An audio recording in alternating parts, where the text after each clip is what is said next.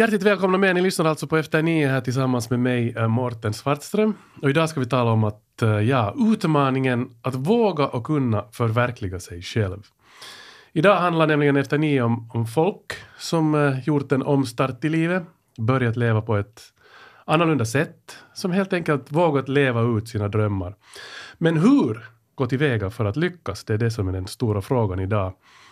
Gäster i veckans Efter nio är bröderna Elias och Titus Poutanen som tillsammans gjort en tv-serie som heter Hacka livet. Och den här serien finns att skåda på Yle Arenan om man så vill. Och det är en tv-serie om 15 personer som har, som har helt enkelt vågat följa sina drömmar och ändra på sina liv. Och det, det här är också då således ett program för människor som vill prova på att göra samma sak. Elias och Titus Poutanen är här för att berätta om vad de här 15 personerna har gemensamt och framförallt vad som krävs för att man ska våga gå från dröm till handling. Jag säger hjärtligt välkomna till Elias och uh, Titus Poutanen. Tackar. Um, före vi går närmare in på, på vad de här 15 människorna har försökt göra eller har lyckats med, men, så, så berätta lite om den här serien i största, så i största allmänhet. Vad, vad går den ut på? Vi har försökt uh, förstå hur man kan förverkliga sina drömmar och genom att uh, prata med 15 olika personer eller uh, familjer så har vi försökt uh, förstå vad det tar, vad, det, vad man måste göra för att lyckas förverkliga någonting som man vill göra. Vi har en familj som, som cyklar, som inte har en bil. Så då är det inte bara en person som har förverkligat en dröm, utan det är en familj som lever utan bil i princip. Och så har vi också en annan familj som har köpt ett hus, en gammal skola på landet och bor där och bedriver gästhusverksamhet och kursverksamhet. Så det är inte bara 15 personer utan det är alltså familjer också? Ja, Ja, några och familjer och några ensamma och några par. Varför ville ni göra en, en, en sån här serie egentligen? Men vi har väl växt upp med en lite alternativ eh, uppväxt och sen har det alltid varit intressant kanske att vara annorlunda. Och sen så får vi ju träffa en massa andra människor som kanske inte gör det som är sådär helt vanligaste vanliga i, i samhället. Så nog var det säkert det som har påverkat mycket. Och sen det att du höll på med din fire movement. Det här spara. Mm.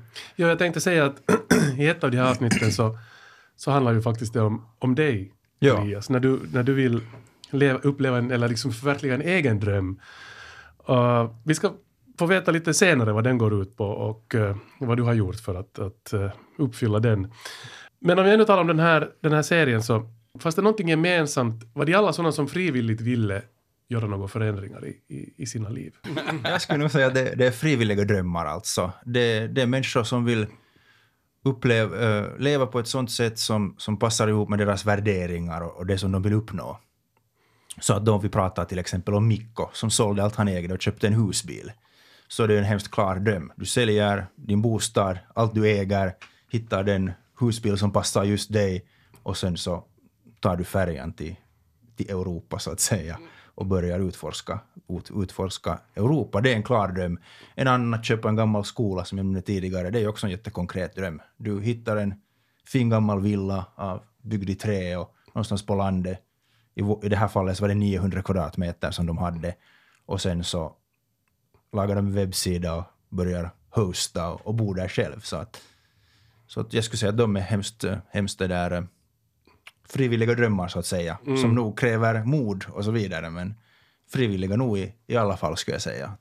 Ni hade ju lite, jag hämtade med några klipp också på, på exempel. Skulle ni vilja lite presentera dem? vi hade där ett klipp eh, med Vera. Eh, hon hade här rest då, eller hon reser utan att flyga.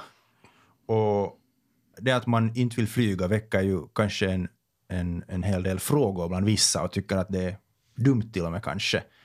Och då det där så tycker jag att hon har ett bra svar på, på varför man inte behöver kritisera hennes beteende. minnen man får från en sån resa är också helt annorlunda. Jag menar, inte så många människor sitter i ett flygplan och minns flygresan. Men för mig så var det liksom, det, det var en, hela resan var att ta mig till Finland. Det finns ju människor som säkert bara vill flyga och tycker att det är helt konstigt det du har gjort. Så vad det säger de? Um, antagligen hade de då aldrig testat på det själv. Och då säger jag att försök, testa dig fram före du har så mycket åsikter. Det var det. Det var det? Okej. Och där tycker jag att det är hemskt bra det som du lyfter fram med det att, att många människor så kanske blir eh, upprörda när någon försöker ändra på sitt liv. Och det där egentligen så, så, så ska man ju bara prova på saker och inte ha så mycket fördomar utan att om någon, om någon gör någonting och man själv är intresserad av det så då ska man ju prova på det. Att kritisera eller att göra något liknande tycker jag inte som hjälper till överhuvudtaget. Menar du att, att blev folk, ja, hon nämnde det här med att blev folk upprörda för att hon bestämde sig för att nu ska hon inte liksom flyga mera? Eller? Nej, no, vi har ju inte hört direkt om har blivit upprörd, men jag menar överlag så finns det ju människor som, som du nämner också i, i, det där, eh, i avsnittet, att det finns en rangordning bland transportmedel och kanske flygande är det finaste och buss är det sämsta. Ja, tåget där mittemellan. Ja. Jag vet inte om det stämmer, men det här kanske är något jag själv upplever. Så att, så att där är nog det att, att om man säger att jag inte vill flyga så är det på det en stark åsikt. Och, och sen om man, Det om man verkligen också- gör det så... Ja, man gör något som bara är liksom sådär utanför flocken så blir människor upprörda. Eller det är ju samma som när du började med ditt också så blev ju hela, alla släkt och vänner och familj blev, förstod inte alls så ville berätta om hur det är fel du har, det du har gjort. Och det händer säkert samma med det här Vera också. Att det är så att var nu normal bara, att få flyg. Varför ska du ha sånt ståhej om att åk tåg? Som sagt, vi ska ta upp eh, Elias, din, din, din eh, så att säga, utmaning lite senare. Men, men ännu, hade ni ännu ett annat exempel på, på, på någon från den här serien som, som eh, ni skulle vilja presentera? Ja, ett annat är just den här Mikko som då köpte en husbil. Så han berättar hur det är en chock för hans mamma att han berättar att han ska börja göra det här. Men så lägger han ju till då att, att, han, att hon blev det där eh, snabbt, ganska snabbt van med tanken ändå. Så det är ett, annat klipp för att visa att, att det kan väcka starka reaktioner om man säger stopp och nu vill jag leva så här. Hur reagerar folk på ditt beslut? Suurin osa oli tosi innoissaan ja ylpeitä ja ne kehu rohkeudesta, koska onhan tämä nyt iso riski jättää kaikki taakse ja heittäytyä ikään kuin tyhjän päälle. Mut sille se oli täysi shokki ja se eka vähän suuttu, mutta sitten kuitenkin tottu, tottu ajatukseen aika, aika nopeasti. Jag hörde man något spel i bakgrunden. Men berätta, alltså, vad var det han, han berättade här? Nå det här, eh, han hade en bostad då i, i Helsingfors som han sålde och köpte en husbil för 33 000 euro för att resa runt i Europa. Så han hade ett stadigt jobb och, och så att säga en, en karriär. Och sen så tänkte han att nej men nu så lever jag inte så som jag vill utan nu vill jag ändra på allt. Och så blev hans mamma upprörd. Då han köpte en husbil och åkte ut i Europa. de är ju som reklamer för olika livsstilar. Vi lyfter fram det som är positivt, men också nog det som är negativt. Men koncentrerar oss på att skapa en bra känsla och berätta att så här kan du ändra på ditt liv och, och de här är fördelarna du får av det. Och sen är det upp till var och en att, att tänka att passar det ihop med mina värderingar? Det här är någonting som jag vill göra. Det är inte säkert så att alla vill bo på en sommarstuga utan vatten och el. Men kanske somliga vill och kanske somliga vill prova, prov, prova på det på en stund. Uh, och, och det är jättebra, då ska man våga göra det och, och prova. Och så har alla då liksom den här kanske uh överhängande tema på alla att, att kanske lite spara pengar i vissa fall och få mer frihet i ditt liv och sen kanske förminska ditt ekologiska fotavtryck. Men det fanns ingen som hade en sån här dröm som kändes lite utopistisk. No, alltså vi funderar ju när vi gjorde programmet att borde vi ha ett avsnitt om någon som blir jätterik och lever flott med sportbilar och, och swimmingpools och, och, och bor i Los Angeles och så vidare. Men, men vi hittar inte någon sån. Eh, det är en orsak. Men sen å andra sidan så har vi ju, som Titus nämnde, att det finns antingen det här med att eh, miljötänke eller att man får mera ut av sina pengar. Och jag tror att de flesta människor inte kanske eller nu, nu låter jag helt som min pappa. Säger att de flesta inte vill ha ett sånt liv. Säkert en massa människor som drömmer om sportbilar och att bo där. Men, men helt enkelt att... Um, gäller det att man tar en lite annorlunda approach, att vad är ett rikt liv egentligen? Att vad är det verkligen som man behöver som människa för att, för att vara, vara som nöjd? Ofta tror jag att det är sånt, att, att det startar som inifrån, att man hittar inifrån de där grejerna. Så jag skulle säga att det är någonting som, som många hade i den här serien, att det kan låta som en ganska fjuttig och liten dröm. Men egentligen, om du börjar cykla jättemycket, så det har ju en jättepositiv inverkan på ditt liv. Nu låter jag igen som min pappa. Hjärntvättare. Men jag antar att, eller jag har själv åtminstone den uppfattningen att de flesta människor går väl omkring och eh, funderar på att göra någonting i sina liv som är annorlunda eller uppfylla en dröm eller, eller bara ändra på någonting. De flesta gör väl det, eller har inte också fått den uppfattningen att alla har väl någon sån här grej som de vill göra. Men att det ändå alltid är så svårt att få, som man säger, tummen ut ur reven. Ursäkta språket, men så, eh, är det samma uppfattning ni har om sådär allmänt om människor i livet? Och varför i så fall är det så svårt att göra de där förändringarna, tror ni? Självdisciplin är väl det som jag också märker i mitt egna liv. Och det finns ytterst lite av.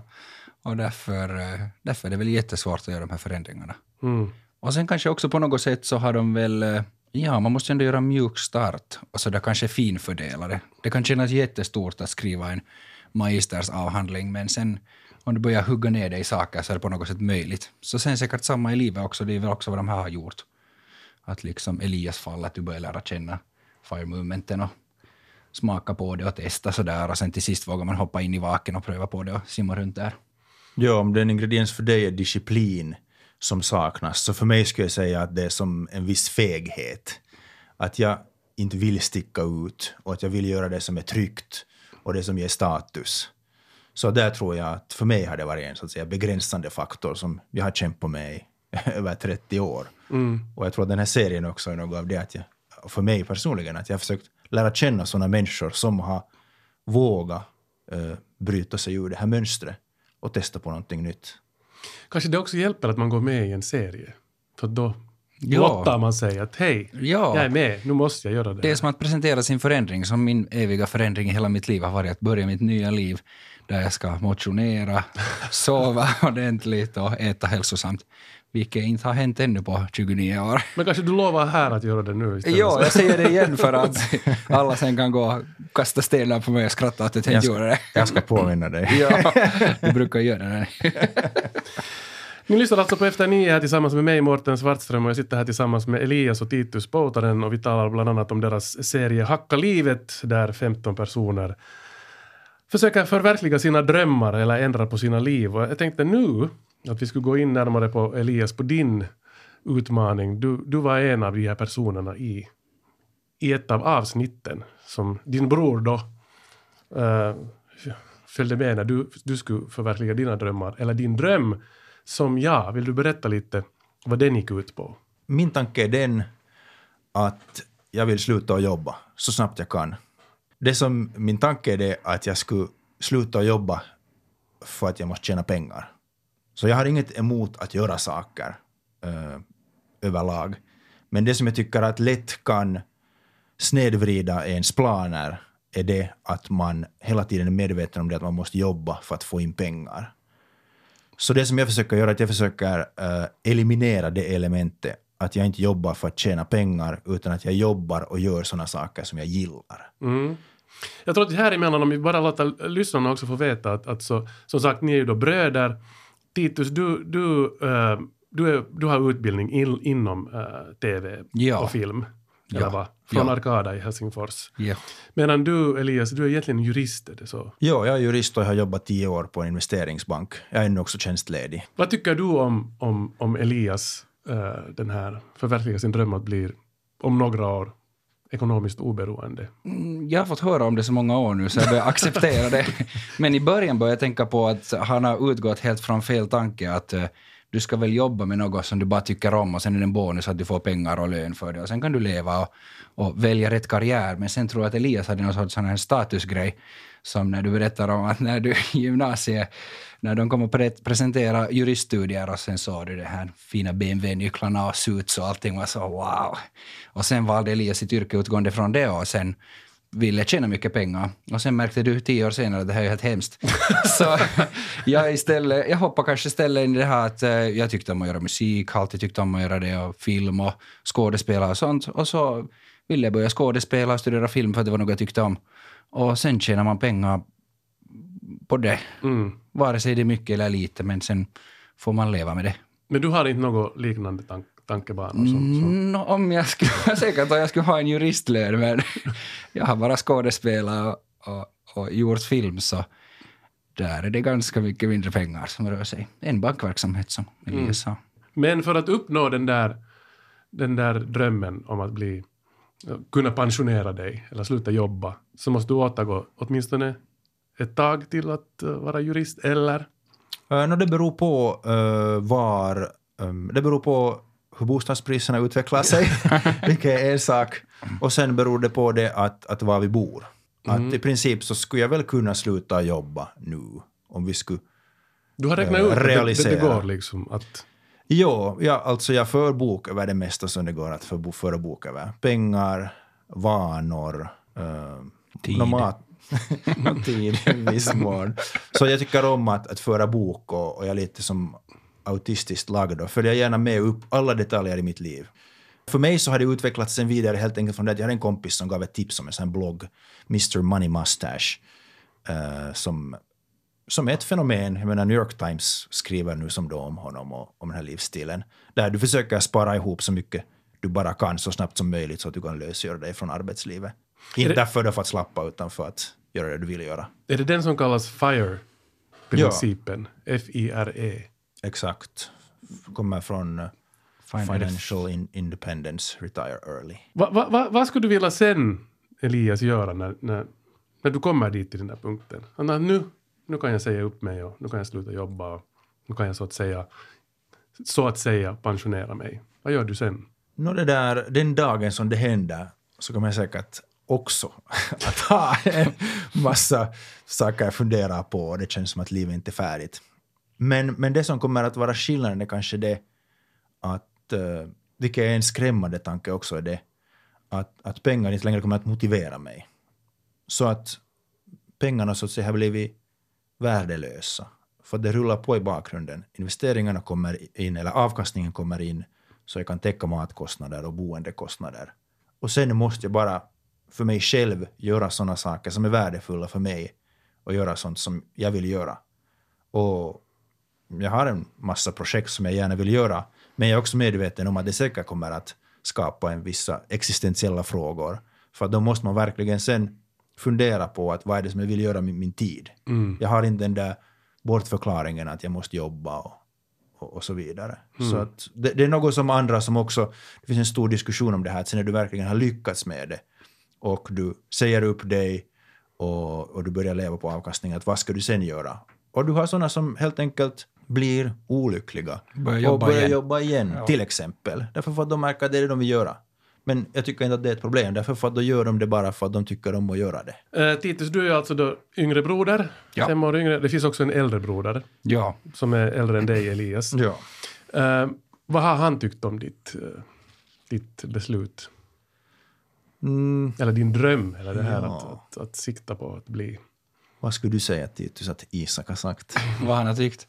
Ja, han är väl så upptagen med sina egna projekt så, så inte, inte har han uttalat sig så mycket. Det är nu kanske jag och, och vår mamma som har blivit mest upprörda. Eller jag tänkte att det är någon sorts lättja och det är liksom slappt och det, är- det är att utnyttja systemet och jag vet inte. Jag minns att det var någon, någon som sa, kommer jag inte ihåg mera, vem det var som, som, som sa, det har jag hört det här för länge sedan, att om man vill eh, då, någonting, om man vill någonting som i den här stilen, att uh, göra, uh, bli rik för att kunna sen då leva ett, uh, ett sånt här pensionärsliv redan i tidig ålder. Så allt, det går att fixa om man vill. Att om man vill utbilda sig och skaffa ett bra jobb och, och helt enkelt förverkliga den här drömmen, så kan i princip i ett land som Finland, eller i ett nordiskt land, så kan i princip vem som helst lyckas med det. Håller, håller du med om det, Elias? Mm, jag skulle säga att det nog är möjligt, uh, åtminstone före den här covid-19 Ja, då det är sant. Ja. Så jag vet inte vad som kommer att hända efter det, men före det absolut. Eh, men en grej eh, för, före jag svarar på det är det där med när du sa att, att man blir rik och kan pensionera sig. Så, så jag pratar om det här med pension, som är ett ord som inte jag gillar. Men å andra sidan det här med att jag blir rik. Så jag kommer ju aldrig att vara rik. Nej, det var kanske fel ordval, Min, ja, min, min tanke är ju den, eller jag kommer ju att ha 1200 euro i månaden att, att röra mig Mm. med. Så att det är ju ingen, ingen rikedom. Men det räcker så att Sant. säga för det här att ekonomiska oberoendet, att du behöver inte vara beroende av en arbetsplats. Så att Ja, säga. Du kan, och det där kapitalet som finns, så det finns bara därför för att jag ska få den avkastningen därifrån. Precis. Tanken är Ja. inte ens än att jag tar 100 000 och köper en bil, för då, då skrotas ju min plan totalt. Du nämnde eh, covid-19 här, eller corona. Så, så hur har det påverkat hur har det påverkat nu din situation? Jo, absolut. Det där, jag hade, mina investeringar tror jag hade gått upp typ 40 procent. Och sen så får de ner typ 40 procent försvann. Och nu har de stigit 5 procent igen, eller 8. Och hur länge hade det tagit för att stiga 40 procent då tidigare? Det var kanske tre år. Och nu får allt sånt. på en. Allt får jag. Men alltså det, det, det stör egentligen inte just nu. Därför för att jag ska inte just nu pensionera mig. Det är oftast problematiskt om man just göra det före en krasch. Eh, men å andra sidan plussen med det är att jag är van med att leva med låga inkomster. Så därför så, så spelar det inte så stor roll att det har gått så som det har gått nu. Jag bara väntar och, och ser. Men om man tittar på hur det har gått förr så har det ju gått upp efter en stund. Jag antar att det kommer hända på nytt. Om inte gör det så är jag van med att leva med låga inkomster. Och det är helt fint, för att jag är nöjd. Det, det tillfredsställer mina behov. Det är alltid lättare att spendera mera än att tjäna mer. Så därför så är det ofta hemskt framgångsrikt att kolla på ens utgifter. Hade ni ännu ett Ja, exempel? ett, ett, ett till finns det. Vi sa ju, jag och Simon, då när vi gick i kockskolan att vi ska starta eget en dag. Vi ville inte ha någon stor investerare på det och så äger man en liten del. att Vi, vi ville liksom ha det själv. Det är väl lite mer spännande, är det? Jo, men så är det. Och sen så då står man ju som till svars för sig själv. Då har man inte någon som säger att nej, men vi ska göra så här. Ja, vad var det vi hörde här? Det här var Mattias som har startat en egen restaurang i Vasa. Okej. Och han pratar om eh, hur vägen var för honom att öppna den. Och han nämner då att han ville starta någonting med sin, eh, med sin klasskamrat från kockskolan. Som en dröm som startade ändå och sen så reste han utomlands och blev en, en superkock på vägen och kom sen tillbaka och öppnade den med sin kompis. Så jag tycker ett bra exempel på det att, att förverkliga drömmar är inte något individualistiskt som man bara måste göra på egen hand och, och så vidare, utan man kan göra det tillsammans. Och om du har någon god vän eller partner eller så vidare, så som till exempel vi har gjort med Clayhill, om man tycker om att jobba tillsammans, så, så då ska man också göra det. Att man ska inte bara, kom, kanske du vill skriva tillsammans med någon annan, och så vidare. Det, ja, det kan ju hända att det ofta är, är, känns tryggare om man har någon annan som också är med i, i, den, i att förverkliga sin dröm, att starta någonting, än att man är helt ensam och utlämnad på något sätt. Ja, man kan ju sparka varandra. Eh, Man, man har mera, det kommer mera besvikelse på ens axlar ifall man misslyckas, så man tvingas mera till att, till att skapa resultat. Och så kommer man också, inte bara så pessimistiskt, nu kommer man också motivera varandra och, och så har man ju ett bollplank. Det är mycket lättare att göra saker med någon annan än att göra ensam. Dels för att där är de här förväntningarna, vilket sen leder till att du får bättre disciplin och, och till att man skapar resultat. Och jag kan tänka mig att om det finns någon annan som är involverad så, så då är man också eh, skyldig att sen leverera helt enkelt. Ja. Att du kan inte bli och nåja, jag fixar det imorgon sen. Utan, Mm. nej, utan nu har vi kommit överens så här, det är en överenskommelse, jag måste helt enkelt fixa till det nu då. Så att, som du Ja. säger, Ja. att sparka varandra i röven. Ja, Och han jobbar ju 90 timmar i veckan, sa han. Så man kan fundera då att är det att leva ett, är det ens dröm? en, en dröm? Men hans dröm är att ha en restaurang och han sa att det krävs just nu. Och att det känns jättebra att ha den där restaurangen eh, tillsammans med Simon. Eh, så att det där. Mm. Men om man njuter av det så, så då är det ju en, ja. Var det så, Elias, att du, du hade tänkt utmana både mig och, och Titus på något sätt här nu eh, med att tänka på ett alternativ, alter, alternativt sätt att leva på och hur, hur livet skulle kunna se ut?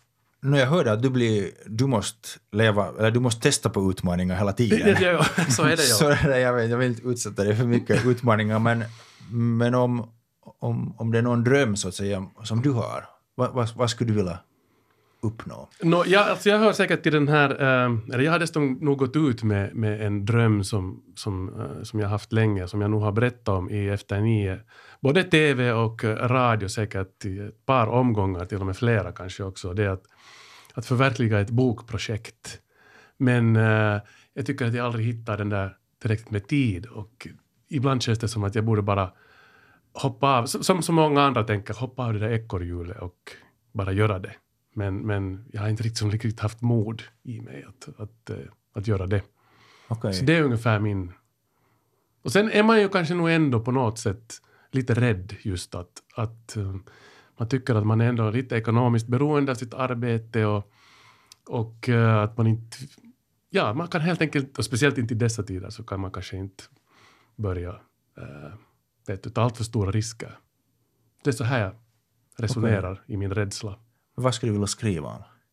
Alltså det är nog en, en, en bok som jag har redan har hållit på med en längre tid, så den, så den, eller så där, den finns nog än. Det är en roman. Okej, Så att, eh, ja. vad handlar den om? No, det är en hemlighet. det, Det, det, är, det är ju en sak, det där är också, att ska man berätta om sina drömmar eller inte? Det finns ju olika, olika tankegångar till det, att om man berättar för tidigt så då kanske den där kraften försvinner och så vidare. Mm, Men sen ja. andra så säger eh, att man ska berätta och söka sån stöd och andra som håller på med samma sak. Just Kanske det. känner du någon annan som har en bok i skrivbordslådan? Ehm, ja, det gör jag väl nog, men jag känner också sådana som faktiskt har hoppat av det där ekorrhjulet och tagit den här, det här steget. Och jag avundas dem för att jag har inte vågat göra samma sak. Okej. Så, att, eh, så att i och med att vi sitter här nu och pratar så här så nu har jag ju fått mig en funderare. Men, eh, men, men jag, jag, tror att det bästa skulle vara, jag vill ju inte nu sitta här och säga att "Nå, ja, nu hoppar jag av det här. och nu hörs vi inte igen nästa vecka. Men vart får du? Utan mer det att man skulle hitta någon sån där, något sätt att kunna göra det åtminstone till en början också, liksom på sidan om. Och det är kanske där som det, det krävs. Att hitta den där tiden och passionen, kanske rutinen i vardagen. Att, att ge, ge några timmar per vecka för att skriva lite. Som, Ja, men att skriva så kan man ju göra nästan vad som helst. Så att det där, jag tror att det kräver att du som till exempel Mikko säljer allt och köper en husbil och reser runt och skriver. Eller att du flyttar ut i sommarstugan utan el och rinnande vatten och skriver Nej. där. Att det, behövs inte. Familjen skulle inte tycka om det så mycket. Kanske, ja, kanske de vill komma med med husbil. Så att det krävs inte ett, på det sättet ett stort beslut. Men det kanske det krävs ett, en liten förändring, vilken kan vara hemskt svårt. Eh, att du då vaknar en timme tidigare kanske. Det har jag Eh, hört. Ja, eller någonting faktiskt. sånt. Men jag tror att du skulle prata med de som har gjort det eh, antingen då vid sidan om eller de som har hoppat av och försöka verkligen höra från dem att hur var det för dem och vad upptäckte de om sig själv när de gjorde det. Mm. Att lära sig från andras, eh, andras erfarenheter. Eller misstag, beroende på vad det är. Så jag tror att det, det är en grej. Det låter bra. Tack för, för de tipsen. Ja, ni vet. ja, ja. Nej, men, något nej, men, det, det är sådana egentligen ganska självklara saker som man, men det är alltid bra att bli påmind om att man, så här borde man göra egentligen. Så att, tack för det Elias. Men, men jag måste ju ändå fråga Titus här att har du några Man måste väl just... drömmar? Jag Ja, mera, ja, jag har Ja. drömmar. Ja, det är mitt eh, disciplinerade liv. och mycket just det här skrivande också, eller att jag tycker om att skriva fiktion, men det är verkligen svårt att hitta den där disciplinen. Mm. Men, eller det är ett komplicerat men ett simpelt problem, för det är bara det att man inte ger tid till det. Och inte bara sätter ner sig för det enda som, eller just i skrivande så, man måste ha en deadline som tynger ner en för att pressa ut det. No, det är väl det. Ja. För det är så skönt istället att hitta på en massa andra saker och titta på film istället för att skriva film. Mm, precis. Samtidigt som man vill skriva film. Mm. Men det är väl just det där, det enda som har just hjälpt mig kanske då att försöka nå det här att skriva, att jag just gör en jättehård läsordning. Och sen är det alltid att sitt nu två timmar åtminstone och skriv. Mm. Och fast det inte kommer något så måste jag bara sitta vid datorn och pressa en till det. Men Mm. ibland kommer det, ibland är mindre. masochistisk. Det är väl det enda som... Det, ja, det är så roligt men tråkigt. Mm. Så det är det enda sättet. Ja. Bra, tack så mycket. Och eh, både till Titus och eh, Elias Poutanen. Och Elias, du kan ju höra av dig sen när du har pensionerat dig och så. Ja, fråga och- hur det känns. Och så kommer jag fråga hur det är med boken. Ja, precis. ja. Om ni vill lyssna på Hacka, äh, titta på Hacka livet, Hacka livet så finns det alltså på Yle Arenan om man vill bekanta sig med ert, er 15-delade serie om eh, folks utmaningar och drömmar. Tack så mycket för att ni var med.